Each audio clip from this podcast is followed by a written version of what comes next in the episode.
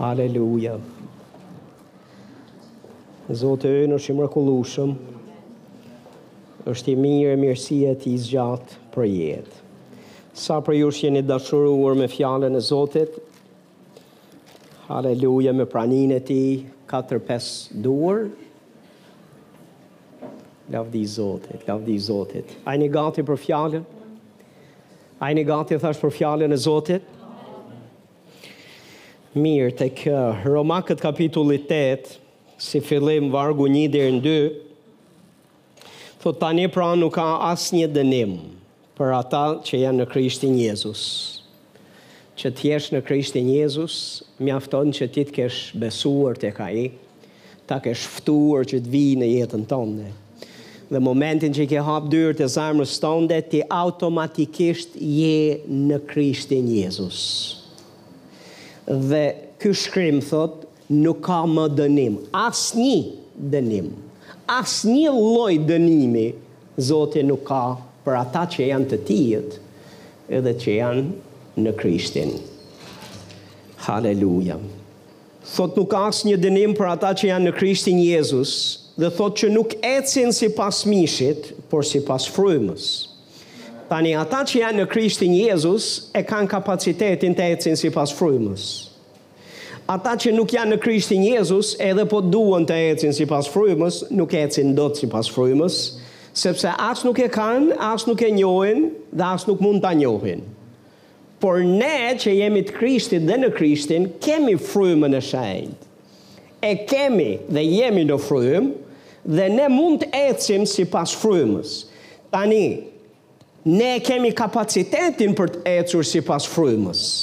Dhe nëse ecim sipas frymës, për shkak se jemi në Krishtin Jezus, Nuk ka më dënim për ne. Po kjo nuk do të thotë që automatikisht pse jemi në Krishtin Jezus, edhe nëse ne nuk ecim sipas frymës, edhe nëse ne ecim sipas mishit, për ne s'ka dënim. Për ne nuk ka nuk ka pasoja. Përkundrazi, pastor, por mundësia jonë Është që ne të ecim sipas frymës, dhe ne jemi në Krishtin Jezus. Dhe për sa i përket Krishtit Jezus, për sa i përket Perëndisë, ai nuk ka dënim për ne. Dhe nuk ka dënim për ne që jemi në të. Dikush thotë amen. Haleluja. Pastor, ky është privilegj. Dhe ky është bekimi i madh të cilin ne e kemi në Zotin. Ai nuk ka asnjë lloj dënimi ndaj teje. Haleluja. Nuk e di për ju, po sikur të kishte alinim këtu, mendoj se kemi pas kish. Është një gjë që ai të ketë dënim për ne. Është krejt një gjë tjetër që ai të mos ketë asnjë dënim për ne. Jo se ne nuk e meritonim dënimin, por sepse Ai ka zgjedhur në Krishtin Jezus të na bëjë të lirë. Ka zgjedhur të na falë, ka zgjedhur të na mëshirojë. Dhe tani që jemi në Krishtin Jezus, për ne nuk ka dënim. Tani, ne që jemi në Krishtin Jezus dhe që kemi frymën e shenjtë dhe e kemi edhe kapacitetin për të ecur sipas frymës, Ju lutem le të mos bijem nëpër dënime të cilat ne e çojmë veten vetë. Sepse pse jemi në Krishtin Jezus dhe kemi Frymën e Shenjtë dhe kapacitetin për të ecur në Frymë, kjo nuk na bën ne të jemi të papërgjegjshëm edhe të pakujdesshëm për llojin e ecjes tonë. Ecja jonë nuk duhet të jetë sipas mishit, ecja jonë duhet të jetë sipas Frymës, sipas Frymës Shenjtë. në bindje ndaj frymës shenjtë, në bindje ndaj fjalës Zotit, sepse nëse je në bindje ndaj fjalës Zotit, je në bindje ndaj frymës shenjtë. Dhe kur ti ecën në bindje sipas bindje ndaj fjalës Zotit, je duke ecur në bindje ndaj frymës, dhe pastaj do jesh i lirë nga dënimi, dhe nuk ka asnjë lloj dënimi, që mund të vijë e bjerë mbi ne. Thotë sepse ligji i frymës i jetës në Jezus Krishtin më çliroi thotë nga ligji i mëkatit edhe i vdekjes. Qenkan dy ligje për cilat Bibla flitka këtu. Thotë ligji i frymës është ligji i frymës dhe është ligji i frymës i jetës. Domethënë, ligji i frymës së shenjtë prodhon çfarë? Ligji i frymës i jetës në Jezus Krishtin. Më ka çliruar, thotë, nga ligji i mëkatit edhe i vdekjes. Ligji, janë dy ligje, ligji i mëkatit që prodhon vdekje, është ligji i frymës, që prodhon jetë. Ligji i frymës i jetës në Jezus Krishtin është superior mbi këtë ligjin e mëkatit dhe të vdekjes. Për shkak të gjakut të Jezusit, për shkak të veprës Zotit Jezus Krisht në drurin e kryqit, ky ligj i frymës, ky ligj i jetës është aktivizuar për të na bërë ne të lirë. Dhe ne jemi të lirë nga ligji i mëkatit dhe vdekjes. Dikush thotë amen. Jemi të lirë. Nëse, para se të besonim te Jezusi, ne ishim skllevër të mëkatit dhe të destinuar që të vdisnim dhe të ishim nën pushtetin e vdekjes në këtë jetë dhe në atë që vjen, për shkak të Jezusit, ligji i frymës e jetës është aktivizuar Dhe ne kemi marrë jetë dhe jemi bërë të lirë, të lirë nga mëkati, të lirë nga vdekja. Dikush thotë amen. Tani, pra, le të themi bashkë, tani pra. Fjala tani pra do të thotë tani pra. Amen. Pra, tani. që jemi ne duke dëgjuar këtë fjalë, nuk ka asnjë dënim për ty që je në Krishtin Jezus. Ke frymën e shenjtë brenda. Dhe është ligji i frymës dhe i jetës që të ka çliruar ty nga ligji, nga pushteti i mëkatit dhe vdekjes. Tani që jemi të lirë, pastor, Le të mos ia nënshtrojmë veten tonë ligjit të mëkatit edhe të vdekjes me vullnetin tonë të lirë. A jeni duke dëgju? Sepse jemi në Krishtin Jezus dhe sepse kemi frymën e Zotit, Jezusi e fryma e Zotit nuk na detyrojnë që ne të ecim në bindje, që ne T'i nënshtrohemi dhe të jemi vazhdimisht vetëm nën aktivizimin e ligjit frymës. Është në dorën tonë cilin ligj aktivizojmë dhe ti dhe unë e kemi mundësinë, e kemi bekimin, e kemi kapacitetin për të aktivizuar ligjin e frymës dhe të jetës gjatë gjithë kohës. Por nuk është automatike. Shumë herë njerëzit e Zotit vuajnë. Vuajnë. Dhe arsyeja pse vuajnë është sepse unë besoj që nuk dinë se si të aktivizojnë disa ligje frymore të frymës Zotit në përputhje me Fjalën e Perëndisë në favorin e tyre. Dhe për këtë dua të flas, dua të marr kohë sot dhe të flas për pesë ligje frymore, të cilat janë gjithmonë kanë për të dhënë rezultat, për mirë apo për keq. Dhe në qoftë se ne i aktivizojmë për të mirën tonë, do të jenë bekim për ne. Janë ligje frymore që në fakt Perëndia i ka stabilizuar Dhe i ka, i ka, i, i na tregon në shkrime, na i zbulon në shkrime, në mënyrë që jeta jonë të mirë qeveriset për mirë. Tani në qoftë se ne nuk sillemi si duhet me këto ligje dhe i vëmë në kundërshtim me jetën tonë, kundra jetës tonë, ne mund të lëndohemi. Po nuk është problemi i ligjit, se ligji nuk është i mirë, dhe nuk është problemi i ligjdhënësit që është Perëndia. Dhe në qoftë se vuajmë është për shkak se o nuk dimë si t'i vëmë në punë këto ligje, ose jemi duke u treguar rebelë edhe të pabindur ndaj këtyre ligjeve dhe po i aktivizojmë në fakt po i aktivizojmë kundër vetes dhe kundër jetës tonë. Ka ligje në të natyrshme, është ligji i gravitetit. Ligji i gravitetit ne e dimë që çdo gjë që hidhet në ajër do të zbresë në tokë, do të bjerë poshtë. A është kështu? Tani ne të gjithë e dimë këtë gjë. Për këtë arsye, ne nuk shkojmë nëpër maje pallatesh dhe hidhemi. Ose ata që hidhen, ne e dimë që nuk e kanë mendjen në rregull. Diçka nuk shkon me ta. Sepse nuk është normale që ti të hidhesh nga maja e pallatit, sepse nëse hidhesh, ti e di se ça të gjen. Nuk shkon, nuk kam pa njeri që të shkojë në qiell, pa shku në tokë njëherë. A, okej, ne duke gju, shkojnë në qiell, frymërisht, po trupi shkon në tokë. Sepse është një ligj tashma i natyrshëm. Është një ligj i stabilizuar, ne të gjithë, gjithë ata që kanë lajthitë në rregull, e dijnë që ky ligj është aty. Dhe këtë ligj ne duhet ta respektojmë si ligj dhe në fakt ta shfrytëzojmë për të mirën tonë. Dhe ka plot gjëra që ne duam t'i hedhim nga lart, t'ia hedhim njerëzve poshtë. Nuk është gabim, është ligj i mirë. Amen. Haleluja. Dhe gjëra të cilat dëmë këtë ligj njeriu ka mësuar të bashkëjetojë me të dhe ta vërë në veprim për të mirën e vet. Ligji i elektricitetit, ne sot kemi drita këtu, apo jo? Tani, unë e di që ka pasur lutje në shërbesë para takimit. Po nuk besoj se jemi lutur, o Zot, a është vullneti yt që ne të kemi drita sot në këtë në këtë sallë? Jo vullneti ynë, po vullneti yt u bëftë. O Zot, të lutem na i sill dritat sot në kishë. Nuk, a jeni lut ju kështu? Nuk jemi lut për këtë gjë fare apo jo? Po a di çka kemi bë? Kemi ardh edhe ata të cilët e dinë që kujdesen për sallën, kanë shku gjën e parë që kanë bë, kanë shku tek automatet atje, tek ajo gjoja e zezë atje.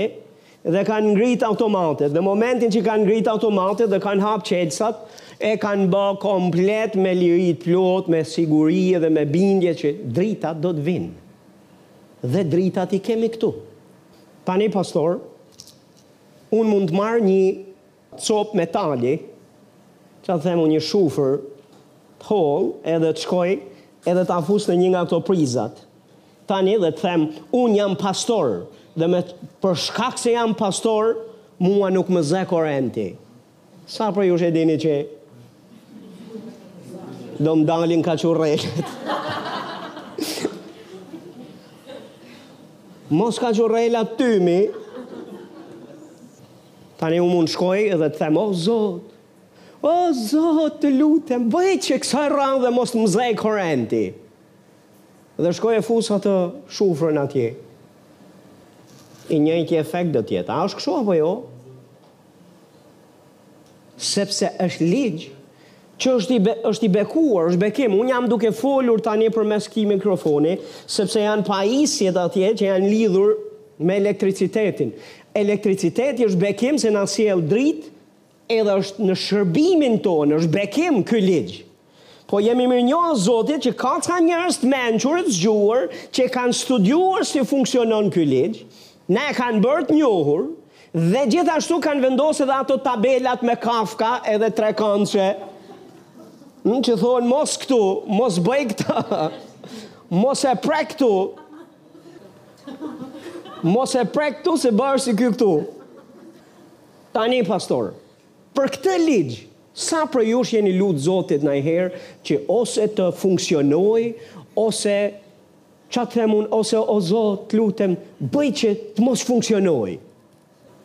Përkundrazi, si njerëz, ne e dimë që ky ligj është aty, ne e dimë që është ligj që funksionon gjithmonë dhe E jemi duke shijuar dhe thjesht kemi mësuar si të bashkëjetojmë me to.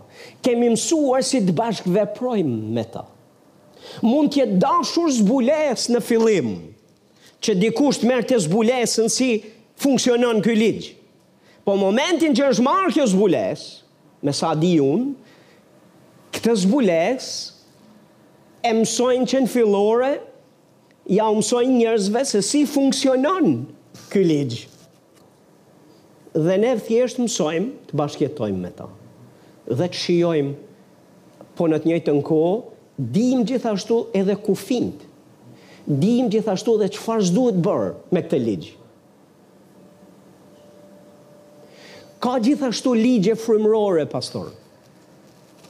të cilat Perëndia i ka stabilizuar tashmë, që çfarë na duhet ne është vetëm zbulesë dhe na duhet thjesht të mësojmë të bashkëjetojmë dhe t'i t'i vendosim në punë për të mirën tonë frymore, fizike, emocionale,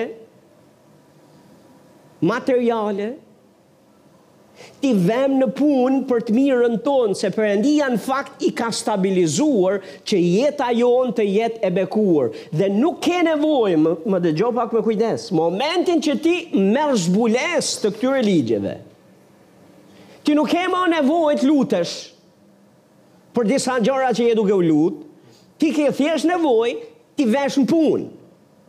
Ligjet e Zotit që të funksionojnë për ty. Ti thjesht ke nevojë që të hapësh çelësat, ngresh automatet dhe të mësosh se si funksionon, funksionojnë këto ligje frymore dhe t'i vesh në punë për të mirën tënde. Dhe në qoftë se i mëson këto pesë ligje për cilat do të flas pastor, për cilat unë të paktën kam zbulesë nga fjala e Zotit, Unë besoj që jeta jote e ka për të ndryshuar drastikisht si nata me ditën dhe do të shohësh se si fryma e Zotit do të aktivizohet, fryma e Zotit do të veprojë dhe do të prodhojë jetë për të mirën tënde. A jeni gati t'i dëgjoni këto ligje? Pastor, nuk janë të padëgjuara prej jush, sepse në këtë kishë mësohen, Gjatë gjithë kohës, mos në një mënyrë, në një mënyrë tjetër. Sot jam duke i mësuar nga këndvështrimi i Ligjit. Ligji i mbjelljes edhe korrjes. Ky ligj është stabilizuar nga Perëndia për njerëzimin që tek zanafilla, që në kohën e Noeut. Ai tha për sa kohë toka dhe qielli do të jenë, Ligji i të mbjellurës dhe të korrës nuk do të pushojnë së qëni. Luka gjashtë vargu tridhjetë e tetë thotë jepni dhe do t'ju jepet, një masë e mirë, e ngjeshur, e tundur, gufuse do t'ju derdhet në gji, sepse me atë masë që do të masni do t'ju matet dhe juve.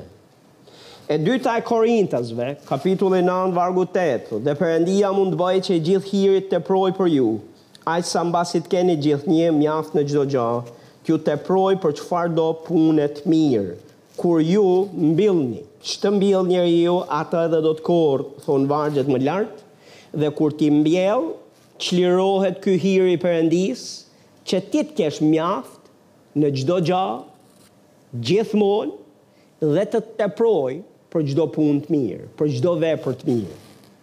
Ka hir Perëndia për të pasuruar. Ka fuqi Perëndia për të pasuruar kishën, për të bërë ty të pasur. Dhe që ky hir të çlirohet, ka vendosur dhe stabilizuar ligjin e mbjelljes dhe të korrës. Është ligj. Ç'të mbjellë njeriu, atë edhe do ta korrë. Galatasit gjashtë vargu shtatët mos u gënjeni, Perëndia nuk vihet dot në lojë, sepse ç'të mbjellë njeriu, atë edhe do ta korrë. Vargjet më poshtë na mësojnë që të mos lodhemi së bëri të mirën, mos lodhemi së mbjelli të mirën, sepse duke bërë këtë në kohën e vet, në kohën e duhur, ne do të korrim, nëse nuk heqim dorë, nëse nuk lodhemi, Së bëri të mirën në kohën e të vet, ne do të marrim të korrën. Më lini t'ju flas pak. Çfarë jep ti, çfarë mbjell ti, ka për të sjellë të korrë. Të mirë, të ngjeshur, të tundur, gufuse, do të derdhet në gji. Çfarë lloj të korre ke dëshirë o pastor? Çfarë lloj jete ke sot? A je i ngopur dhe i bekuar me jetën? A të pëlqen jeta që ke? A të pëlqen mënyra si njerëzit sillen me ty? A të pëlqen niveli i gëzimit, niveli i inkurajimit, niveli i lutjeve që bëhen për ty, niveli i jetës që ke? Haleluja! Çfarë ke në jetën tënde? Bëje një analizë, je i kënaqur me të? Nëse s'je, pastor, ti mund ta ndryshosh. Ti mund ta ndryshosh. Dhe më le të të shpjegoj një gjë. Nuk ndryshohet vetëm duke thënë oh, oh, oh, oh Zot, ditë e natë. Oh, oh, oh Zot, ditë e natë. Sepse ai ka vendos këtë ligj. Dhe në fakt, në qofë se ti thua, o, oh, zot, këtej, dhe nga krahu tjetër, je duke fut duart në prizë, ke fut atë Hek shufrën e hekurit në prizë dhe je i habitur pse është duke të dalë tymi, ndërkohë që je duke i lut Zotit, më le të të them, hiqi duart nga priza. Vër në punë ligjin e Zotit për të mirën tënde. Li, ki kujdes ça je duke mbjellë, ça po flet për tjerët, çfarë, si po sillesh. Pastor, çfarë jep apo inkurajon a i do njerëzit? A je duke i bekuar njerëzit? A je fjalë ambël? Fjalët e tua kanë hir branda, kanë mëshirë apo kanë gjykim e dënim e ashpërsi? Ki kujdes shifë pak llojin e jetës dhe farat që ti je duke mbjell. Mos u mashtroni vëllezërit e mi, Perëndia nuk vihet në lojë ç'të mbjell njeriu. Dhe këtu është duke përfshi gjithë njerëzit. A kam naj njeri këtu? Mjafton të jesh njeri. Sepse herë mbas here tendenca e kishës është për të thanë besimtar, jo besimtar. Zoti te ky ligj thotë njeri. Që do të thotë mjafton të jesh njeri. Tani ti dhe unë si njeri i Zotit, që jemi në frymë dhe jemi në Krishtin, e kemi krejt kapacitetin. për të folë gjanë e duhur, për të bërë gjanë e duhur, për t'u sjellë si duhet, për të pas motivet e pastra, për të qenë bujar, për të qenë dordhan, për të qenë inkurajus, për të qenë të mëshirshëm, për të qenë të hirshëm me njerëzit, për të përqafuar njerëzit, për t'ju ardhur në ndihmë. Ne e kemi komplet kapacitetin për ta vënë në punë këtë ligj për të mirën tonë. Atëherë vëre në punë pra. Dikush thotë? Amen. Haleluja. O, a, dua një të korrë ndryshe nga kjo që kam. Dhe ati është duke thënë, o, ti, hiqi duart nga priza, mbill gjanë e duhur, mbill farat e duhura. Çfarë ke nevojë? Në qoftë se bujku ka nevojë për domate, nuk shkon të mbjellë patate. A është kështu apo jo? Po gjithkush që merret me bujqësi edhe me gjëra fjala, Perëndia është bujku më i madh që ekziston, ai mbolli farën e jetës, mbjell farën, mbjell fjala e tij është farë. Fara e Zotit. Kur Ai do të ndryshojë jetën e dikujt, Ai mbjell në zemrën e tij farën e Fjalës Tij, në mënyrë që ajo farë, ajo Fjalë të prodhojë dhe të japë frut dhe jeta e atij që e ka leju Fjalën e Zotit të prodhojë të ndryshohet. Ai vetë vuri në punë dhe vë në punë këtë ligj. A e dini apo jo? A e dini që kur Zoti përmbyti tokën, Në kohën e Noeut, mbasi Noeu doli nga varka, a e dini që çdo gjë, çdo gjallesë nuk ishte. Ishte shkretuar gjithçka, gjithçka, bimësia nuk ishte, imagjinoni pak të dalësh dhe gjithçka që të shohin sytë është baltë. Nuk ka pemë, nuk ka jetë, nuk ka absolutisht asgjë. Kjo ishte bota e Noeut kur doli nga varka. Por Perëndia kishte menduar për botën e Noeut dhe botën tënde dhe timen, se lavdi Zotit që sot për ne bota nuk është baltë ma. Është në baltë sa s'ka, në shumë anë, po nuk është bash në baltë siç ishte në kohën e Noeut.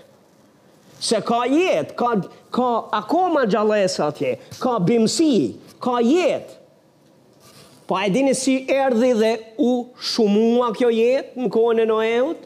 Zoti i dha farat dhe u dha nga një çift kafshësh dhe gjallesash në varkë. Shpëtoi, e shpëtoi Noeun me familjen e tij, po edhe këto, dhe i dha fara. Kështu që kur doli Noeu, Nuk shohim n'asnjë vend që Zoti e tha tani, O Zot, ç'a do bëj me farat, o Zot? E dinte të sigurt ç'a duhet me ba. Se Zoti e tha ligji i të mbjellurës dhe të korrës, nuk do pushojë. Kështu që Noe S'të pëlqen bota që ke përpara? S'të pëlqen që s'ka gjelbrim? S'të pëlqen që s'ka pemë? S'të pëlqen kjo lloj jete që ke përpara? Ndryshoje me farat që të kam dhanë. Dikush thotë amen. Ky është ligj i bekuar. Po ky ligj i bekuar, po sa është i bekuar, në qoftë se për të mirë kur e mbjellim farat e duhura, mund të jetë i dëmshëm për ne, në qoftë se ne e vëmë në punë kundër jetës tonë. Sepse shkrimi na thot, ç'të mbjellë njeriu do të korrë, nëse mbjell në mish, do të korrësh shthurje. Nëse mbjell fara dënimi e gjykimi.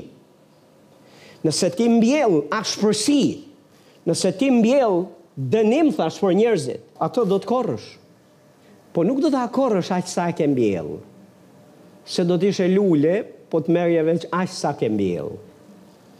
Problemi është se gjithmonë farat prodhojnë më shumë se sa më shumë se sa ç'kishte fara që mbolle. Kështu që jeni të kujdesshëm pastor, jeni të kujdesshëm, jeni keni frikën e Zotit dhe përdorini këtë ligj për të mirën tuaj. Ligji i dytë pastor, Le të themi bashkë, Ligji i besnikërisë. I të qenit besnik. Shifni t'ju lexoj ca vargje, pastor. Luka 16 vargu 10 thot, besnik në të vogla, do të jesh besnik thot edhe në të mëdhatë. Kush është i padrejt në të vogla, është i padrejt edhe në të mëdhatë. Domethënë, Perëndia teston dhe sheh se si sillemi ne, çfarë bëjmë ne me gjërat e vogla. Herë mbas here besimtarët e kanë mendjen te gjërat e mëdha. Tek gjërat e mëdha që Zoti do të bëjë, tek gjërat e mëdha që ne do bëjmë. Dhe Zoti e ka mendjen te gjërat e vogla që ne realisht bëjmë. Dhe ato gjërat e vogla zakonisht ne kemi tendencën t'i shpërfillim, kemi tendencën t'i lëmë të mos merremi seriozisht me to. T'i shpërfillim, thash dhe mos merremi seriozisht dhe mos t'i trajtojmë me kujdes. Por fjala na thot besnik në të vogla. Çfarë bën ti me të voglat? Me çfarë t'është dhënë e t'është besuar ty, kur është në trajt të vogël, ka për të vendosur në do kesh të mëdha apo jo. Dhe mënyra se si sillesh, nëse je besnik dhe mëson t'jesh besnik në të vogla, pastor, besnikëria është çështje karakteri. Besnikëria duhet të jetë pjesë e natyrës tënde. Duhet të jetë pjesë e jotja, me të vogla a me të mëdhaja, ti duhet të jesh i drejtë në të dyja rastet. Kjo është besnikëri. Dhe Zoti thot, besnik edhe në të mëdhat. Kush është i padrejt në të vogla, është i padrejt edhe në të mëdha. Me pak fjalë, njerëzit mund të testohen për besnikëri. Dhe e di ku testohen? Perëndia i teston, po dhe ti që i ke, nëse ju disa prej jush keni bizneset tuja, a i keni sa biznesmen kemi këtu, sa njerëz që kanë dika që lavdi Zotit, ngrejeni dorën, haleluja, ngrejeni, t'jua shof, Lavdi Zotit, jemi lut për ju. Dhe nuk është turp që t'jesh biznesmen, kështu që ju lutem ngreje dorën. Haleluja. E Perëndia ju bekoftë ju e biznesin tuaj. Kur merrni njerëz në punë, shifini se si sillen me gjërat e vogla. Se nëse janë të padrejtë, të pakujdesshëm, shpërfillës, te gjërat e vogla do të jenë edhe te mëdhajat dhe do ishte marrëzi për ty që t'i besosh gjëra të mëdha. Kjo është e vërtetë edhe për shërbesë. Dhe shumë herë ka besimtarë të cilët janë të paduruar, janë të axhituar pse nuk u besohet shumë në kishë. Sepse janë të padrejtë, sepse nuk janë besnik në gjëra më me pak peshë.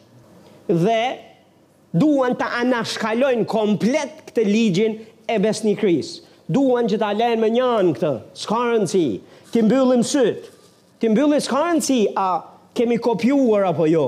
S'ka rëndësi a jemi treguar të padrejtë apo jo, këtu e atje, këtu e atje. Le të mbyllen sytë. Edhe le të më jepet një mundësi, pastor. Pastor, për çfarë të jepet mundësia? Që të jesh i padrejtë? në gjëra më të mëdha, të dëmtosh më shumë. Unë them më mirë, aty ku je duke dëmtu, je boll. Rritu, mëso besnikëri. Tani jam duke folë për besnikërinë si ligj. Se çfarë thotë Luka gjashtëmbëdhjetë, vargu njëmbëdhjetë? Jezusi vazhdon dhe thotë, Pra, në qoftë se ju nuk keni qenë besnikë në pasuritë e padrejta, kush do t'ju besojë pasuritë e vërteta? Që do të thotë, Jezusi është duke thanë, nëse ti mëson të jesh besnik me pasuri materiale, se për këtë e ka fjalën. Nëse ti mëson të jesh besnik, me pasuri të padrejta, që në krahasim me, me pasuritë frymore janë komplet si nata me ditën, për nga vlera as nuk ja vlen mi vunë peshore. Kjo është ajo çfarë duke tha në fakt thjesht. Kush do të besojë pasuritë e vërteta thotë? Që do të thotë ty të të besohet vajosja e Zotit. Hiri i Zotit, lavdia e Zotit, mrekullitë e Perëndisë, fuqia e Perëndisë. Ti ke nevojë të mësosh të jesh besnik. Besnikëria të të kualifikon ty për këto pasuri. Dhe në qoftë se ne nuk e duam këtë ligj, dhe duam të anashkalojmë besnikërinë dhe duam themi nuk ka rëndësi besnikëria, kush do të të besojë? Njeriu mund të besojë, po jo Zoti. Dhe meqë ra fjala kemi plot lidera dhe njerëz lidera Zoti e Jezus. Njerëz të cilët kanë marrë pozita drejtuese në trupin e Krishtit dhe janë duke drejtuar njerëz që nuk kanë lidhje me vajosjen e hirin e Perëndisë. Që nuk e kanë pastor, njeriu i ka lartësu, njeriu i ka ngrit, vetë kanë ngrit veten e vet, n'ato pozita, po është krejt një gjë tjetër të të besojë Perëndia pasuritë e tij. Dhe Perëndia, Perëndinë nuk mund ta manipulojë askush, t'ia mani, t'ia përdredhë krahun dhe të thotë, aman o Zot, Jepja se e bëmë lider tani. Jepi tani nga pasuritë e vajit tënd, nga pasuritë e lavdisë tënde. Përdore Zot tani që ne e vumë lider dhe e kemi vënë me zor ne. Jo meqë e kemi vënë ne, le ta mbajmë në qafë ne. Po Perëndia nuk jep pasuritë e tij të drejta dikujt që nuk tregon besnikëri. Dikush të thotë? Amen. Dhe më le të të them një gjë, ai nuk manipulohet. Dhe është kur ai të beson, ama, më le të të them këtë gjë, kur ai të beson pasuritë e veta, vajosjen e hirin e vet, e lavdinë e vet, do t'jetë e dukshme, pastor. Do t'jetë e dukshme. Frutat, e tregojnë vetë. Dikush thotë, Luka 16 vargu 12 thotë dhe në qoftë se nuk keni qenë besnik në pasurinë e tjetrit, kush do t'jua japë tuajën? Domethanë, këtu është duke folë që ti, ti mund t'jesh në administrimin e pasurive të tjerëve. Dhe ki kujdes se si sillesh me pasurinë e tjetrit. Ki kujdes si sillesh me gjërat që i përkasin dikujt tjetër. Ki kujdes si sillesh me shërbesën e dikujt tjetër. Ki kujdes se si sillesh me thash jetën e dikujt tjetër. Besnik, pastor, Duhet të mësosh të jesh besnik, sepse duke qenë besnik, Perëndia do të të besojë tënden. Domethënë besnikëria qenka e rëndësishme apo jo? Pastor është ligj frymëror. Momentin që ti mëson të jesh besnik dhe e ke pjesë karakterit tënd. Ça do të thotë të jesh besnik? Të jesh besnik do të thotë ti të bësh gjënë e drejtë në çdo kohë, pamvarësisht tundimeve dhe pamvarësisht thash joshjes apo shtrëngimit, në privatësi e në publik, kur të shohin sytë e njeriut e të Zotit, E kur s'të shohin sytë e njeriut, po vetëm të Zotit. Ti bën gjanë e duhur, në çdo rast. Ti bën gjanë e duhur, thash, ti bën gjanë e drejtë, në çdo rast. Bën gjanë e drejtë me pasuri, bën gjanë e drejtë me njerëzit, bën gjanë e drejtë, thash, gjatë gjithë kohës, në privatësi e në publik. Nuk ke një jetë të dyfishtë. Dhe nuk je ndryshe Ndryshe në situata të ndryshme, ti je konstant i njëjtë. Je i besueshëm, me pak fjalë. Amen. Je i besueshëm, me pak fjalë. Thash je i besueshëm, me pak fjalë. A është Zoti i mirë? Haleluja. Proverbat tridhjetë e shtatë vargu tre thotë ki besim tek Zoti, bëj të mira, bano vendin dhe shtoje besnikërinë. Çfarë duhet të bëjmë? Ki besim tek Zoti, bëj të mira, banoje vendin dhe shtoje besnikërinë. Haleluja. Ji pra besnik dhe mos e shpërfill vlerën e të qenit besnik i të bërit gjërës duhur në çdo rrethanë dhe situatë në cilën je. Nëse tundohesh apo qoftë me joshje dhe përfitime, qoftë me shtrëngime që të kompromentosh me Fjalën e Zotit, të kompromentosh me bërjen e gjërës duhur, Nëse je në këto shtrëngime, të lutem qëndro besnik. Bëj gjanë e duhur. Bëje gjanë e duhur, edhe kur s'të sheh kush. Edhe kur s'të sheh kush. Kjo duhet të jetë pjesë e karakterit tënd dhe pastor më le të të them këtë gja, nëse ti e shton këtë besnikëri dhe ti tregohesh besnik, Perëndia do të të bekojë, do të të besojë pasuritë e drejta, do të do të të besojë ty Gjërat e mbretërisë, gjërat mdha. E di që Zoti nuk i beson dot, nuk na beson dot pasuri, jo se s'do të na bëjë të pasur, po një pjesë e të mirë tonën nuk na beson dot, sepse momentin që na jep pak nga pasuria e tij, ne na dalin mend. E lemë ato. E lemë Fjalën e Zotit. E lemë thjeshtësinë e ecjes me Zotin. Hutohemi dhe na kthehen idhuj ato të mira materiale. E mbaj mend një herë që Zoti më foli dhe tha nuk i përdor dot fëmijët e mi, sepse i humbas. Dhe e pyeta Zotin, çfarë do të thuash me këtë gjë? Si nuk i përdor dot se i humbet? Po më kujtonte një individ që Zoti e përdori për të bërë një mrekulli, dhe mrekullia ishte jashtëzakonshme. Mirëpo, momentin që mrekullia ndodhi, individi ndryshoi, Dhe individi nga i përulur u bë krenar e hundëpërpjetë dhe nuk dëgjonte më mësime, nuk merrte më, nuk flisje, nuk e indikoje dot më, sepse i dukej vetja sikur di. I dukej vetja sikur tani nuk ka nevojë më u rrit.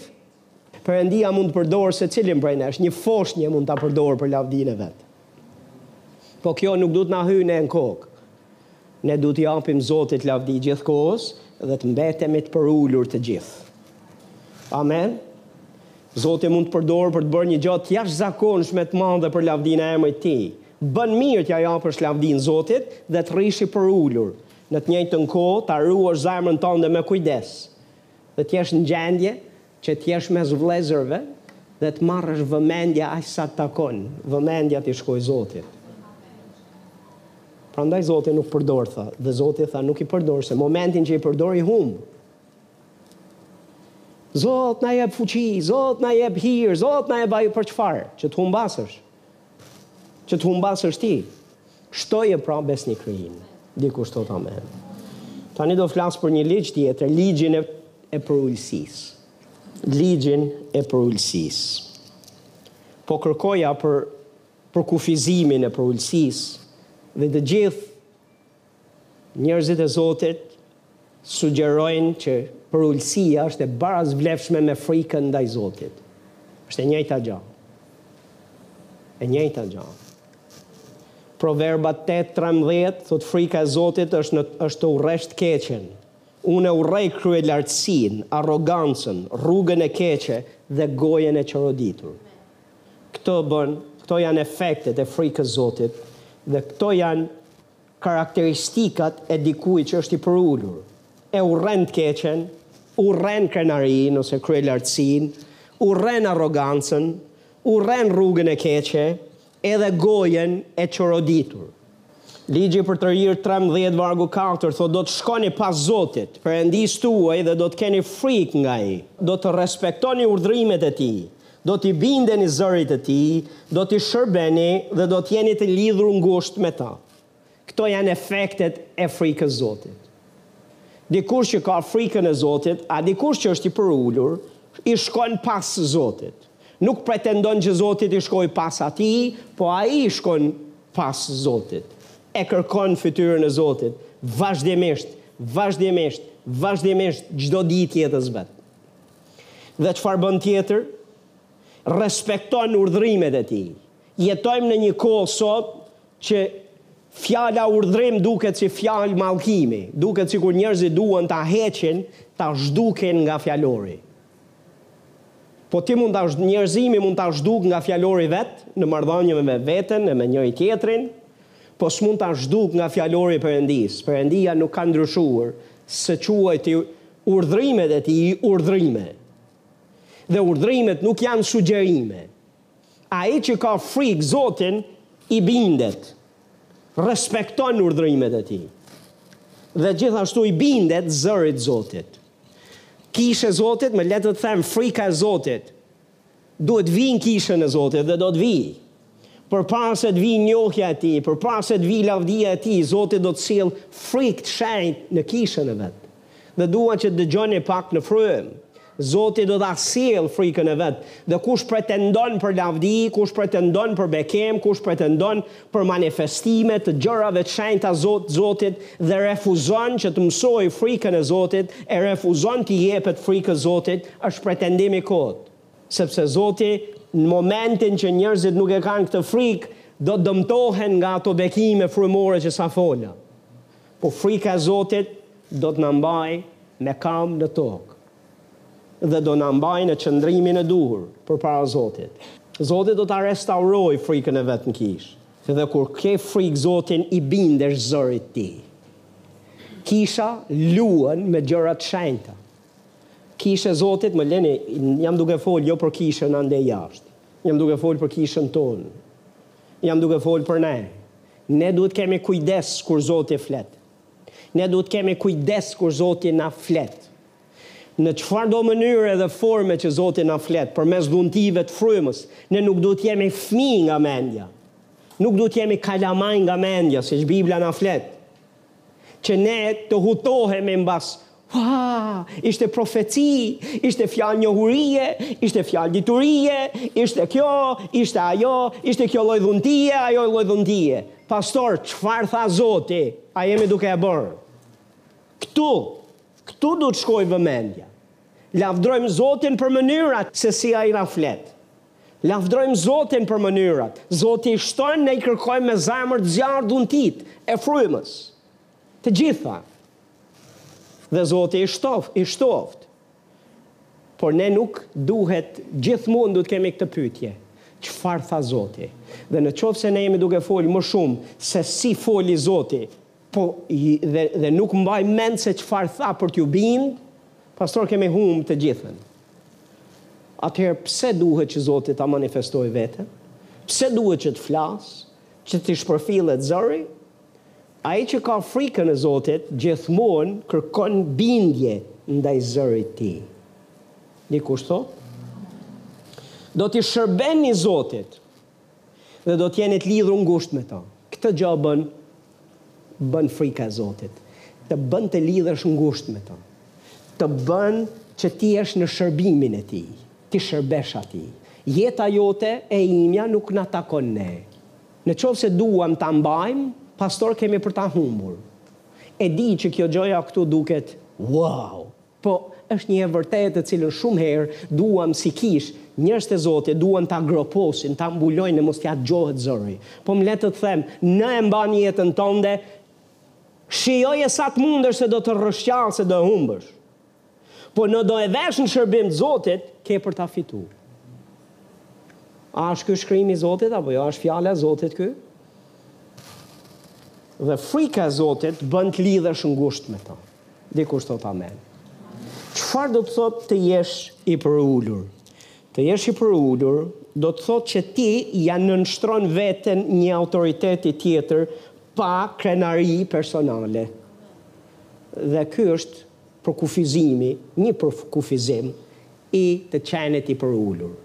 Pastor, përulësia gjithashtu është një ligj frymor që në qoftë se ti e e ke dhe e vë në veprim pastor, ka për të prodhuar. Le të shohim pak shkrime. Jakobi katër vargu gjashtë, Ai jep hir edhe më të madh, prandaj thotë, Perëndia u kundërvihet mendjemëdhenjve, dhe u jep hir të përulurve. E kundërta e të qenit i përulur është të jesh krenar. Dhe çfarë bëka Perëndia për mendjemëdhenjtë dhe çfarë bëka ndaj të përulurve? Simbas këtij shkrimi, çfarë i jep mendjemadhit? I kundërvihet. Ej, është një gjë të të kundërvihet djalli, Dhe është krejt një gjë tjetër të të kundërvihet Perëndia. Po t'u kundërvihet djalli, ti ke mundësi që t'i kundërvihesh me fuqinë e Zotit. Po të të kundërvihet Perëndia, është komplet, komplet histori tjetër. Dakord? Dhe Perëndia i kundërvihet mendjemëdhenjve, por i jep Kujt hir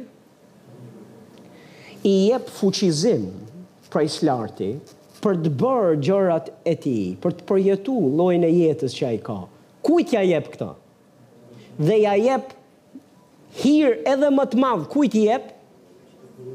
Të përulurit. Që do të thotë, çmimi i përulësisë qenka ky. Ja çfarë i vika dikujt që përulet. Kështu që pastor, Sa je duke thënë o Zot hir, o Zot hir të madh mbi mua, hir të madh mbi kishën. Mirë bën që lutesh dhe mirë bën që e kërkon dhe që e do. Çështja është a je i përulur? A i ke duart në prizë? Hiqi duart nga priza dhe kujdes me mënyrën se si je duke u sjellë. Jakobi 4:10 Përuluni përpara Zotit edhe ai do t'ju lartësojë. Çfarë bëka Zoti për një të përulur? E lartëson. O, nuk ka si lartësimi i Zotit. Më le të të them, nuk ka si lartësimi i Zotit.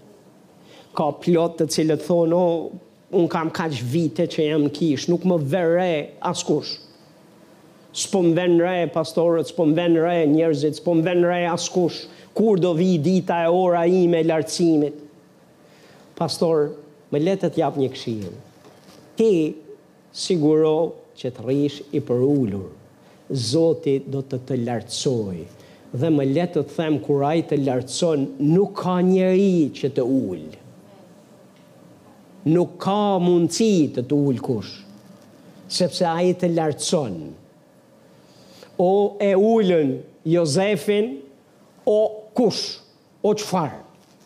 Ku, çfarë i ndodhi atij burri? Hm? Në gropë. U rrah, u shit. Në burg. U tradhtua. Kaloi çdo lloj pe, këto lloj peripecish dhe dukej sikur ishte i harruar e i lënë mënjanë. Po kush nuk e harroi? Kush nuk e harroi? Në kohën e vet Perëndia tha më duhet, se ky është besnik. Ky është besnik edhe kur s'e sheh kush. Ky është i përulur dhe kur s'e sheh kush edhe e lartësoi dhe Bibla thotë që e bëri të ishte i dyti mbas faraonit, kryeministri i Egjiptit edhe e përdori për t'qenë bekim për popullin e Zotit. Zoti po kërkon kë të lartësojë për ta bërë bekim për trupin e Krishtit. Po ça flet ti për trupin e Krishtit? Çfarë je duke bërë sot ti për trupin e Krishtit? Si e sheh ti trupin e Krishtit? Çfarë je duke bërë ti për trupin e Krishtit sot? Zot na ruaj që ai të lartësojë disa prej nesh.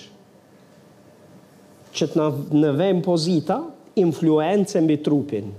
Kur jemi në pikë të hallit, Në këtë fazë, Zoti lartëson ata të cilët do të jenë të lidhur ngushtë me të, do të kenë frikë Zotin, do i binden zërit të Tij, do jenë të përulur dhe do të jenë bekim për trupin e Krishtit. Do të jenë bekim, thashë për trupin e Krishtit. E para e Pjetrit pesë pesë thotë gjithashtu ju të rinj, nënshtrojuni pleqve. E nuk e ka fjalën për të rinjtë në moshë edhe pleqtë në moshë, Këtu e ka fjalën për të rinjtë në besim dhe ata të cilët kanë kohë që janë të pjekur e të maturuar frymërisht. Çfarë ju thotë atyre, ju të rinj, nënshtrojuni pleqve, nënshtrojuni vëllezërve më të mëdhenj, nënshtrojuni drejtuesve të kishës. Të rinj, të rinjve është duke ju thanë këtë gja. A e dini pse jau thotë këtë apo jo? Kujt i shkon ndërmend pse ju desht njeriut zotit që ta thoshte këtë gjan këtu. Mua më shkon ndërmend se të rinjtë nuk e kanë me qejf që ta nënshtrojnë veten ndaj tjerëve. Mua më shkon, ndoshta e kam gabim. Nënshtrojuni thotë. Po nënshtrojuni thotë gjithashtu të gjithë njëri tjetrit dhe vishuni me çfarë? Vishuni me përulje, sepse Perëndia në fund ditës, Perëndia sheh sjelljen tonë, sheh se si reagojmë dhe thotë Perëndia i kundërvihet krenarit e i jep hir të përulurve. Përulësia nuk është vetëm përulësi ndaj Perëndisë direkt, është përulësi edhe si sillesh me vëllezërit, si sillesh me autoritetet që Zoti ka vendos mbi ty. Amen. Dhe shumë herë kur flasim për këto lloj fjalësh, këto lloj shkrimesh, Një pjesë e kishës të paripërtrirë që nuk kuptojnë se ça jemi duke fol, ju shkon mendja kush e di, pastori ka dëshirë dhe është duke dashtë që ta bëjë kishën që kisha t'i nënshtrohet atij. Prandaj është duke i fol këto shkrime. Pastor nuk e kam këtë pikë problemi nuk e kam këtë dhe nuk është kjo nevoja. Shifni se ça është duke thanë, ju të rinj nënshtrojuni pleqëve. Le të themi bashkë, pleqëve! Nuk është pleq ë, thotë pleqëve! Është në shumës. Dhe gjithashtu thotë, nënshtrojuni të gjithë njëri, njëri kujt. Të gjithë vishuni me? Kush janë këta të gjithë që duhet vishen me përulësi dhe kush është i skualifikuar për të mos u vesh me këtë përulësi? Pastori. Pastori bën mirë të jetë më i përulur se gjithë. E më i nënshtruar se gjithë. Amen. Tani për plak Hallelujah! Është Zoti i mirë për hirin që na ka dhënë. Zoti ynë është i mirë. Dikush thotë? Hallelujah, hallelujah. Ej, shkrimi është plot, nuk po flas më. Po Jezusi, a e dini që dha shembullin e vet, Filipianët dy, thotë vargu pesë, keni në ju po atë ndjenjë që ishte në Jezus Krishtin, i cili edhe pse ishte në trajtë Perëndie, nuk e çmoi si një gjë ku të mbahej fort për të qenë barabartë me Perëndinë, por e zbrazi veten e tij, duke marrë një trajtë shërbëtori e u bë i ngjashëm me njerëzit, dhe duke u gjetur nga pamja e jashtme, porsi njeri, e përuli vetveten, duke u bërë i bindur deri në vdekje, deri në vdekjen e kryqit. Prandaj thotë Perëndia, E lartësoi madhërisht dhe i dha një emër që është përmbi çdo emër. Më lini t'ju them, a e dini që Jezusit iu dha ky emër, mbi çdo emër, dhe u lartësua madhërisht nga Perëndia për shkak se pati këtë ndjenjë brenda tij, për shkak se ishte i përulur, kishte një ishte i përulur. Dhe po të shohësh kjo ndjenjë që ishte në Jezusin dhe që fjala thotë të jetë dhe në ju, është duke thënë që edhe pse ishte barabartë me Perëndinë, nuk u mbajt fort mbas kësaj. Po e zbrazi veten. Që do të thotë, nuk tha, o atë, ne jemi vëllezër, jemi të gjithë njësoj në trupin e Krishtit. O atë, ti dhe unë jemi njësoj, apo jo? Ishte njësoj. Por edhe pse ishte njësoj, nuk e përdori si justifikim për të thënë që shiko, tani mos e tepro. Kur vjen puna për bindje, pse duhet bindem veç unë, bindu dhe ti. Pse duhet ta bëj unë, pse mos ta bëj dikush tjetër. Pse të shkoj unë, pse të mos e bëj dikush, pse mos shkoj dikush tjetër. E zbrazi veten. Dhe mori trajtë shërbëtori. Këtë ndjenjë është duke thënë të kemi në ne. Dhe kjo ndjenjë duket sikur po avullon në trupin e Krishtit. Dhe duket sikur ka hyrë një frymë e re në trupin e Krishtit që ne jemi të gjithë vëllezër, jemi të gjithë njësoj. Ne jemi komplet, nuk ka kokë Nuk zoti nuk është pro të qenit kokë kishe, kokë familje, kokë E kjo është arsye pse ka kaq kaos. E ka kaq rrëmujë, ka kaq dhimbje. Dhe ka kaq luftë. Çdo gjë me dy koka është monstër. A e dini? Vetëm flamuri shqiptar ka dy. Vetëm shqiponja e flamurit tonë ka dy koka. A e keni vënë re njëra sheh këtej e tjetra andej, se njëra do me shku këtej e tjetra do me shku andej. Çdo gjë që Zoti, çdo organizëm që Zoti ka e ka vendos me një kokë. Ai vetë është kreu i kishës. Dikush thotë amen. Haleluja. A e dini se ati nuk është kreu i kishës?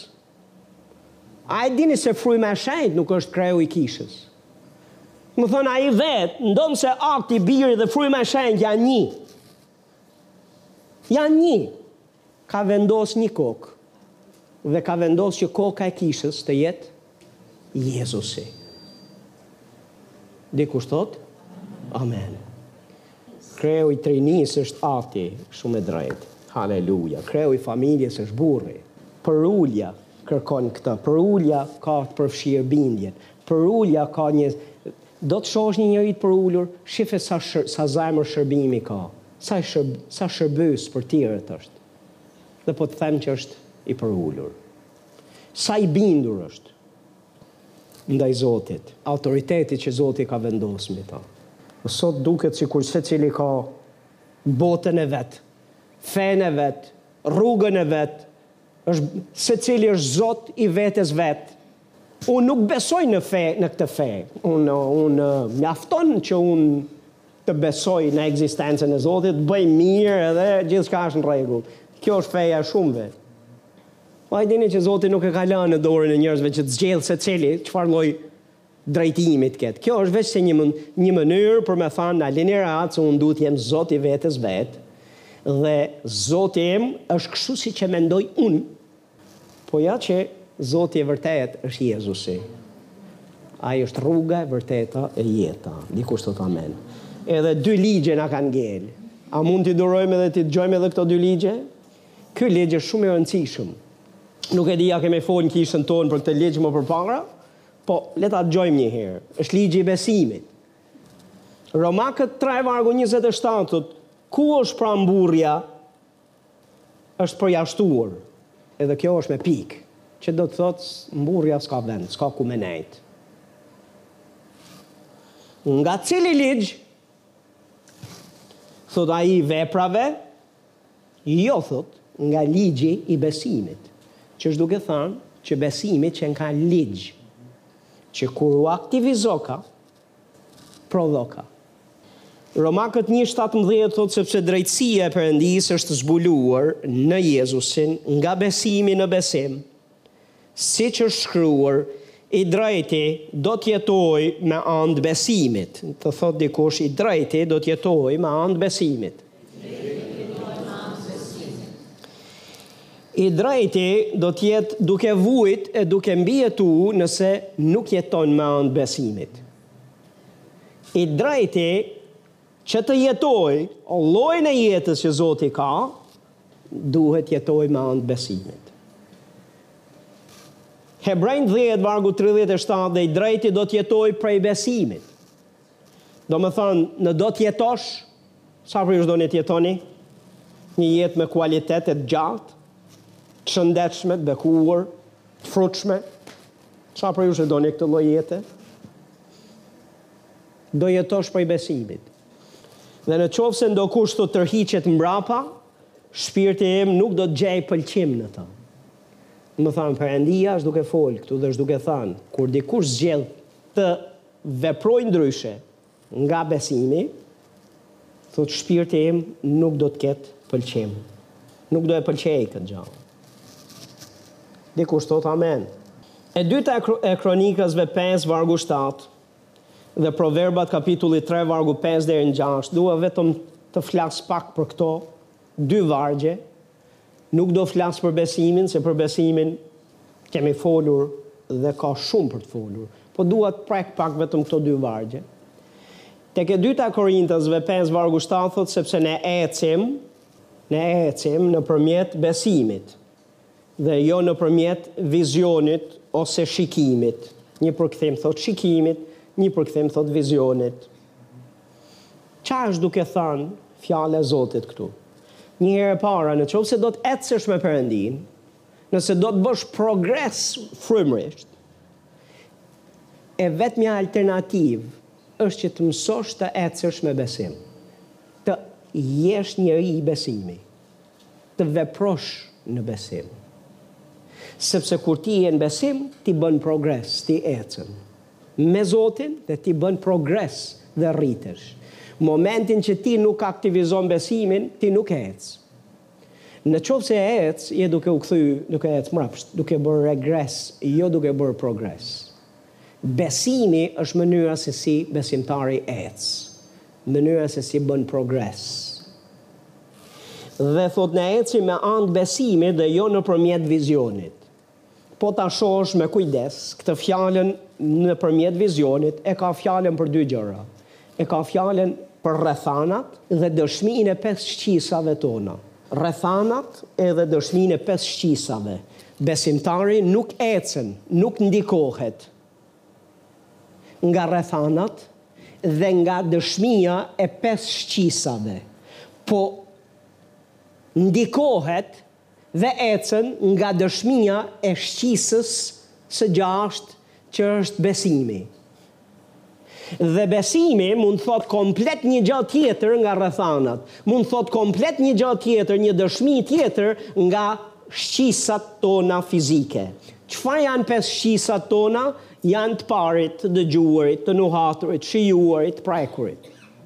Secila prej këtyre Është bekim nga Zoti, me që ra fjala, që ne të funksionojmë në këtë botën fizike, por për botën frymore, për botën frymore, botën frymore, ku Perëndia është, ku engjëjt e Zotit janë, ku fryma e Zotit është, ku fuqia e Perëndisë operon dhe vepron, ku bekimet e Tij janë, Nuk funksionojnë, nuk hyjnë në punë pesë shqisat tona. Me ato pesë shqisa ne nuk mund të ecim në frymë.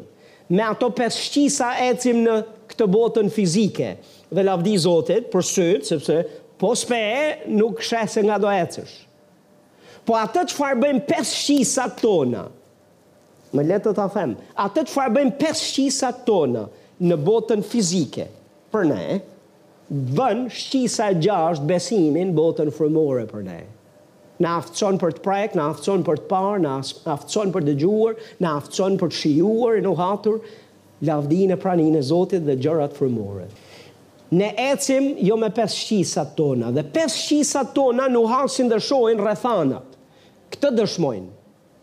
A jeni këtu? Dëshmojnë për çfarë është duke ndodhur rreth e rrotull nesh. Dhe shumicën e kohës mund të jetë realiteti i rrethanave dhe dëshmia e pesë shqisave që thonë të kundërtën e fjalës Zotit. Besimtari duhet zgjedhë. Të besojë çfarë fjala e Zotit thotë. Dhe duhet zgjedhë të mbështetet tek fjala e Zotit. Nëse fjala e Zotit thotë që jam i shëruar nga plagët e Jezusit, dhe rrethanat thonë që do vdesësh sepse e ke sëmundje të pashërueshme, Dhe mjekët thonë që ti do vdesësh e do vdesësh në këtë ditë. Na kanë fillu të bëhen edhe profetë parashikues. Nëse fjala e Zotit thot që unë jam i shëruar nga plagët e Jezusit, pikë, këtë besoj unë. Haleluja, jam i shëruar dhe nuk ka djall në ferr që mund të prekë jetën time dhe nuk ka djall në ferr që mund të më bëjë që të vdes Para kohe, nuk ka sëmundje që mund të mbijetojë dhe të më vrasë, sepse Zoti Jezus vdiq në drurin e kryqit dhe mori plagë në trupin e tij, në mënyrë që unë të jem i lirë nga dhimbjet e lëngatat e mia. Ky është realiteti që unë besoj. Po ça të bën ty të besosh këtë gjë, o pastor? A nuk ke frikë ti? A nuk ke frikë ti? A nuk ke... S'kam, pastor, fare frikë. Frikë kam besim, jo frikë. Kam besim se ajo çfarë Zoti thotë është e vërtetë absolute dhe Perëndia vëzhgon mbi fjalën e tij dhe sigurohet që atë fjalë ta përmbushë, atë fjalë ta bëjë të frutshme, mos t'i kthehet bosh. Perëndia është Perëndi integriteti. Perëndia e mban fjalën e vet. Ai nuk është njeri që gënjen. Nëse ka thënë një gjë, edhe do ta bëjë dhe është i fuqishëm ta bëjë. Dhe nëse ka thënë që je i shëruar nga plagët e Jezusit, zgjidh të besosh këtë realitet. Dhe jo realitete tjera. Kjo është e pakuptueshme për njerëzit të cilët nuk njohin ligjin e besimit. Për ta, kur ne themi që jemi të shëruar, kur nga krahu tjetër dukemi sikur s'jemi, për ta është duket sikur na ka ikë. Nuk jemi në rregull këtu. Duket sikur po mohojmë realitetin. Duket sikur po mohojmë faktet. Më le të të them ka një realitet e një fakt mbi fakt e mbi realitet. Dhe është realiteti dhe fakti i fjalës Zotit. Dhe besimtari i ka bekimin e të operuarit në ligjin e besimit. Ne ecim me anë të besimit, jo me anë të shikimit, jo me anë të rrethanave dhe me anë të pesë shqisave tona. Mbaj mend një besimtar i cili ishte diagnostikuar me kancer dhe kërkoi lutje dhe ishte shumë i agjituar pse ishte në atë gjendje dhe dukej sikur nuk po i zhdukej kanceri nga trupi. Kishte shkuar tek mjekët dhe mjekët e kishin bërë një analizë mbas ca kohësh dhe doli sipas tyre që nuk e ka S'ka kancer më. Dhe vetëm të dëgjoje mesazhet. Mesazhet ishin Haleluja! Zoti më shëroi! Gjithçka, ua, haleluja, i lumtur, i gëzuar. Maksimalisht. Kaloi ca kohë, shkoi bëri edhe një analizë tjetër dhe mjekët i thanë, "E ke!" Dhe nga i gëzuar, Pse s'më ka dëgjuar Zoti? Ça po ndodh me mua? Pse nuk po funksionon besimi? Pse? Ça është? Ça ka që s'shkon? Kjo është të jetosh me anë të rrethanave. Kjo është të jetosh me anë të pesë shqisave. Kjo është të jetosh të kesh besim te njeriu më shumë se te fjala e Zotit. Po ai që ka besim te fjala e Zotit, ai nuk do t'ia dijë për raportet që i vijnë. Nuk trembet nga raportet që i vijnë, nuk trembet nga realitetet dhe faktet që janë rreth e rrotull, i ndryshon me anë të besimit. Dhe ti mund ta ndryshosh realitetin që ti mund të kesh në çdo aspekt e fushë të jetës tënde, në martesë, në familje, në financat tua, në shëndetin tënd, në kishë. Në trupin e Krishtit, në kombin tënd. Përdore besimin, shumë fuqi ka lutja e drejtit kur bëhet me gjithë zemër. Lutja e besimit e shpëton të smurin. Lutja e besimit fal mëkatet. Lutja e besimit kthen kombet tek Zoti. Lutja e besimit. Ka akses te fuqia e perëndisë. Pesë shqisat jo, rrethanat, besimi i varur te rrethanat dhe pesë shqisat jo pastor. E di kemi plot njerëz të cilët janë më shumë termometër se sa termostat. A e dini ndryshimin e termometrit me termostatin? Më lini t'jau them se cili është ndryshimi. Termometri është ma tepër matës.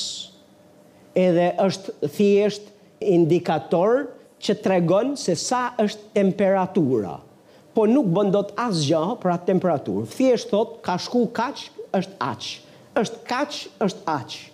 Termostati bën krejt një gjë tjetër, termostati kur shkon në një pikë ku temperatura është ma e lartë se sa ç'do vetë, hyn punë, Dhe e normalizon.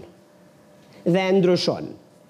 Këtë bën termostati, zakonisht termostate ka në kanë kondicionerat, termostat ka motori i makinës, për ftofje, ngrofje, nxefje, kur shkon temperatura më shumë se ç'do, termostati hyn punë dhe i hap rrugën Tjetër gjëje për me cjell stabilitet. Ne me anë të besimit jemi thirrur cjellim stabilitet dhe nëse gjërat nuk janë ashtu siç duam ne, ne mund t'i ndryshojmë me anë të ligjit besimit. Sepse është ligj, besimi është ligj. Dhe sa i lutemi Zotit, o Zot, fuqi Zot, më shumë fuqi Zot, më shumë fuqi. Kisha s'duhet lutet për më shumë fuqi. Perëndia ka vendosë gjithë fuqinë ringjallëse të tij në dispozicion të kishës. Ne duhet të mësojmë të aktivizojmë besimin. Këtë thotë Efesianët një. Të njihni, thotë, se cila është madhështia e jashtëzakonshme e forcës fuqisë së tij që vihet në veprim ndaj nesh që besojmë. Ndaj nesh që nuk thotë që ta kemi, thotë që ta njohim, sepse e kemi, na është dhënë, është në dispozicionin tonë, thjesht duhet aktivizuar, Dhe kur ti je njeri besimi, që ec me besim, e jeton me besim, dhe refuzon të dëgjosh zërin e pesë shqisave tua, as zërin e rrethanave, po zgjedh të besosh fjalën kujt i shfaq krahu i Zotit, thotë Isaia. Kujt? Atij që besoi. Predikimin, fjalën e besimit. Atij që beson predikimin tonë, thotë. A jeni duke dëgju fjalën e Zotit? Gjithmonë kije parasysh, kur ti zgjedh të besosh fjalën e Zotit, je duke i lënë hapësirë fuqisë e krahut të Zotit të manifestohet për ta ndryshu realitetin tënd. Dhe pastaj më lër të të them edhe pesë shqisat tua do të hedhin valle se do do shohin ndryshimin. Edhe të tjerët, të cilët thonë vdiq, mbaroi do vdesë, do të thonë, Uaa! Prandaj shohim në Bibël që njerëzit u mrekulluan nga mrekullitë që Jezusi bëri. U habitën, u mahnitën dhe thanë, Uau! Gjëra të tilla s'kemi parë më përpara.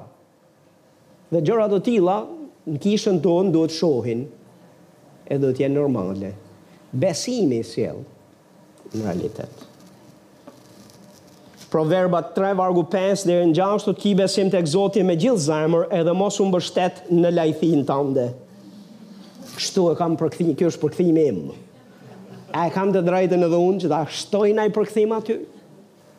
Mos u mbështet në gjykimin tënd, sepse shumë herë gjykimi yt Mund të mos kapë, mund të mos konceptojë gjëra, realitete frymore. Për shembull, pastor, e di që Bibla flet për paqen që tejkalon çdo kuptim, a, që ka paqe, po lajthia jote nuk e kap dot. Gjithashtu thotë dashurinë e Krishtit, ta njihni dashurinë e Krishtit tek Efesianët që tejkalon Çdo njohuri, që do të thotë e kalon aftësinë e lajthisë tënde për ta kuptu? Ka plot gjëra që e kalon lajthinë. Ki besim tek Zoti me gjithë zemër. Nëse lajthia jote thotë është e palogjikshme, është anormale, nuk është e natyrshme, nuk funksionon, nuk bëhet, Po fjala e Zotit thotë bëhet, pastor hidhu me dy këmbët nga fjala e Zotit se bëhet. Nëse logjika jote thotë që nuk ecet mbi ujë, se s'kam pa askënd të ecë mbi ujë, dhe kushdo që ecën mbi ujë zhytet në ujë, dhe kush ecën mbi ujë mbytet në ujë, Këtë realitet kam pa. Po Jezusi thotë hajde, atëherë pastor mos rri në varkë, po hidhi hapat tua se ti do të ecësh mbi ujë dhe do shohësh të pamundurën të bëhet e mundur. Dhe Zoti po e thret kishën të ecë në ujëra të thella. Po na thret ne që të hedhim hapa Për të besu për gjëra të mëdha. Për të besu për jetë njerëzish. Për të besu, thash, për gjëra të mëdha që janë përtej teje. Dhe nëse janë përtej teje, gjasat janë që Zoti është duke të folë e të drejtu. Sepse kurdo që Zoti drejton dhe udhëheq, gjërat janë më të mëdha se sa kapaciteti yt, dhe kur janë dhe për shkak se janë më të mëdhaja se kapaciteti yt për të përballu, Ja ça lin nevoja, që ti të mbështetesh e kapesh tek Zoti. Gjë që duhet ta bësh gjithë kohës, gjithsesi. Dikush thotë, Amen. Ligji i pestë, pastor, dhe i fundit për sonte. Ligji i rrëfimit tonë, e folura jonë. Hebrenjve 10 vargu 22 thotë, le ta mbajmë të patundur rrëfimin e shpresës tonë Sepse besnik është ai që premtoi. Çfarë duhet të bëjmë? Duhet ta mbajmë të patundur rrëfimi i shpresës. Rrëfimi ynë duhet të jetë në përputhje me Fjalën e Zotit. Çfarë thotë Zoti, këtë themi. Këtë themi për veten, këtë themi për tjerët, këtë themi. Themi çfarë thotë Zoti, jo themi atë çfarë duam ne të themi, po themi atë ça thotë Zoti. Dhe nëse thua çdo gjë që thotë Zoti në Fjalën e Tij, dhe me anë të frymës Tij, je duke bërë rrëfimin e besimit. Që nëse je duke pyet, o pastor, ça është rrëfimi i besimit? E thënë thjesht, pastor, të thuash të njëjtën gjë Që Zoti thotë. Atë, asaj t'i japësh zë dhe të refuzosh t'i japësh zë çdo lloj realiteti tjetër. Hebrenjtë 3 vargu 1 thotë prandaj o vëllezër të shenjtë, pjesëtarë të thirrjes qiellore, vështroni apostullin dhe kryepriftin e rrëfimit të besimit tonë, Jezus Krishtin. Me thënë, Jezusi çfarë është? Jezusi është dhe apostull, Është edhe kryeprifti i kujt? Pse e ka fut rrëfimin e besimit tonë këtu? Pastor, Jezusi sigurohet që rrëfimi i besimit tonë të bëhet realitet. Ai është atje lart duke thënë, o Atë, po, amen. Po dhe amen. Po dhe amen, kur themi ne jemi të shëruar nga plagët e Jezusit, Jezusi thotë Atë, po dhe amen, është kryeprifti ynë, që bën ndërmjetësimin, dhe që sigurohet që ajo ça jemi duke thënë e rrëfyer ne nga goja jonë, të bëhet realitet. Dhe unë fola vetëm për këto, po ka pafund premtime. Të gjitha premtimet e Zotit janë po dhe amen në Krishtin Jezus. Rrëfimi i besimit tënd merret seriozisht nga vetë Zoti Jezus. Ai është duke prit rrëfimin e besimit tënd. Dhe nëse do kisha kohë, do ju thoja si ëngjëjt e Zotit janë duke prit rrëfimin e besimit tënd.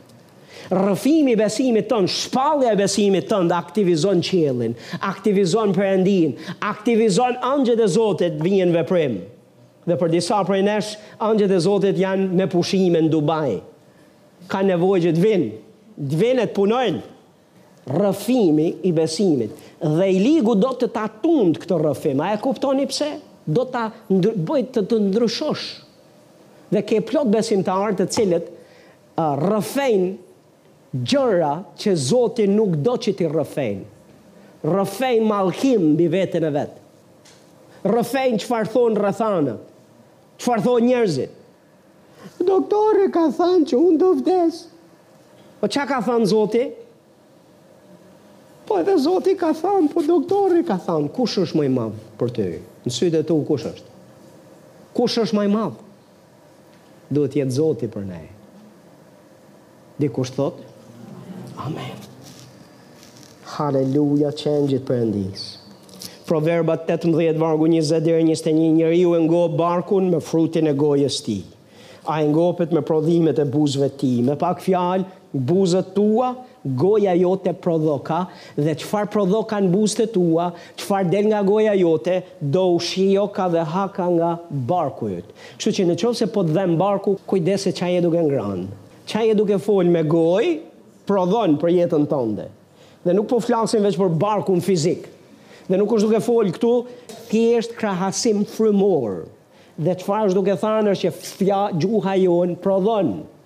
Dhe thotë, Vdekja dhe jeta janë në pushtetin e gjuhës. Prandaj o njeri mos e vra veten me gjuhën tënde. Prandaj o njeri mos i vra besimtarët me gjuhën tënde. Prandaj o njeri mos i vra shërbëtorët e Zotit me gjuhën tënde. Prandaj o njeri mos i vra ata të cilët janë, mos vra kombin tënd, familjarët e tu, dashurit e tu, vëllezërit tu në besim. Mos i vra me buzët e tua, me buzët e tua e me gojën tënde. Bekoj! Flit jetë, flit shërim, ji gojëëmbël, ji bekim! Sepse pushteti i jetës dhe vdekjes janë në gjuhë. Kjo gjuha jonë ka pushtet. Dikush thotë amen? Jetojmë në një vend që unë kam parë nëna të mallkojnë fëmijët e tyre. Nuk do bëhesh kurrë, mos u bëfsh, do vdesësh, vdeksh. Ardh kështu e ardh ashtu. Të shtypt kjo e të shtypt ajo. Ti do përfundosh burgjeve dhe habiten me kalimin e viteve, si ndodhi që u vranë Që i shtypi makina, që ju ndodhi kjo, ju ndodhi ajo, dhe që s'po bëjnë dot përpara dhe i vin, dhe ka plot nëna që vin tek pastori, të lutem, lutu pak për fëmijën tim, lutu pak për djalin tim, se e kam në emigrim edhe është këtu e është ashtu. Po mor pastor, ne po lutemi. Po a e di se çfarë ligji ke vënë në punë? Ke aktivizu dhe nëna ka aktivizu ligjin e mallkimit mbi fëmijën e vet, mbi burrin e vet, mbi familjen e vet, mbi shëndetin e vet dhe pastaj vin që t'ia zgjidhë pastori këtë punë. Hiqi duart nga priza. Ky ligj Duhet të funksionojë për të mirën tonë. Gjuha na është dhënë që të funksionojë për bekimin tonë. Rrëfe besim, pastor. Rrëfe ça Fjala e Zotit thotë. Të lutem rrëfeje, edhe kur presioni është i madh që ti të thuash të kundërtën. Thuaj çfarë Fjala e Zotit thotë. Joeli 3, vargu 10 thotë, Farktoni shpata me ploret tuaj dhe ushta me draprinjtë tuaj. Që do të thotë bëhuni gati për luftë. Dhe i dobti thotë të thotë. Domethënë, Zoti është duke thënë, i dobti të gënjejë. Këtë është duke thënë fjala e Zotit. Nuk është duke thënë këtë, pastor. Dhe nuk është gabim të thuash ti atë çfarë do t'jesh. atë çfarë Zoti thotë se ti je. Edhe kur ti ndihesh dhe kur realiteti thotë që ti je i dobët në fakt. I dobëti është i dobët, është realitet, është fakt. Po që i dobëti të bëhet i fortë, ka nevojë që të flasë gjënë e duhur. Ka nevojë të thotë jam i Unë nuk bëj, nuk bëhem. Mbylle. Mbylle këtë të folur, mos mallko veten me buzët e tua, thuaj unë mundem, unë mund të bëj gjithçka me anë të Krishtit që më jep forcë. Perëndia është dituria ime. Unë jam i shenjtë, unë jam i fortë, unë do të fitoj mbi mëkatin, unë do të fitoj mbi veset, unë do të fitoj në jetë. Unë do t'ia dal. A thua, pastor, a do t'ja dalë deri në fund të jetës time që unë të mbetem dhe të jem në besim? Pastor, për sa kohë je duke folë kështu? Je duke, je, je duke e vënë në vend dyshim. Fol atë që fjala e Zotit thotë, Perëndia em është në gjendje të më mbajë me anë të fuqisë tij. Dhe me duart e tij jam në duart e Atit Perëndi dhe askush nuk më rrëmben prej atyre duarve. Jam lënë në duart e Frymës së Shenjtë dhe më le të them që askush s'më rrëmben dot prej atyre duarve, sepse fryma e Zotit më shtrëngon, e mban, e më ruan. Në hyrjet e daljet e mia, këtë gja bën për ne, për ty. Farkëto shpatën. Haleluja. E drapinjtë bëji ushta. Haleluja. Çohu në luftë. Nëse je i dobët, çohu e lufto. Si të luftoj, pastor, si jam i dobët. Pastor, gojën, ligji i rrëfimit, ligji gjuhën, përdore, pastor. Përdore pastor për sa kohë e ke atë gjuhë përdore pastor përdore për bekimin tënd Jakobi thotë është si timoni i një anije që ku do timonieri e çon anijen ku do që të shkojë jeta jote ku do që të shkojë anija jote në të nesërmen ku do të shkojë familja jote fol pra Foli asaj jete dhe thuaj, jeta ime do të jetë kështu e, do të jetë kështu e, do të jetë kështu e, fëmijët e mi do të jenë kështu e, bashkëshorti e bashkëshortja ime do jenë kështu e, kisha ime do të jetë kështu e, kombi im do të jetë kështu. Sepse duke folur këtë gja, je duke çliru dhe je duke drejtu timonin e anijes. Je duke e drejtu andej nga do timonieri, nga do ti o timonier, që të shkojë jeta jote? Nga do? Drejt varrit, drejt varrezave apo drejt shtegut? Do të thoja shtegut të Zotit. Shko nga shtegu i Zotit, gjuha jote. Në do ta tërbosh të ligun dhe errësirën. Haleluja! Bëhu mjeshtër i këtyre ligjeve. Haleluja! Bëhu mjeshtër, bëhu i aftë e i urtë t'i vesh në punë e në përdorim për jetën tënde. Besom Do bësh lutje ma pak, po do kesh ma shumë fruta. Dhe shumë nga lutjet e tua nuk do të jenë më, O Zot, o Zot, të lutem, a do kem drita, a do kem. Po u bë vullneti yt, o Zot. Po do shkosh drejt te automati, ngresh automatin edhe të shijosh dritat.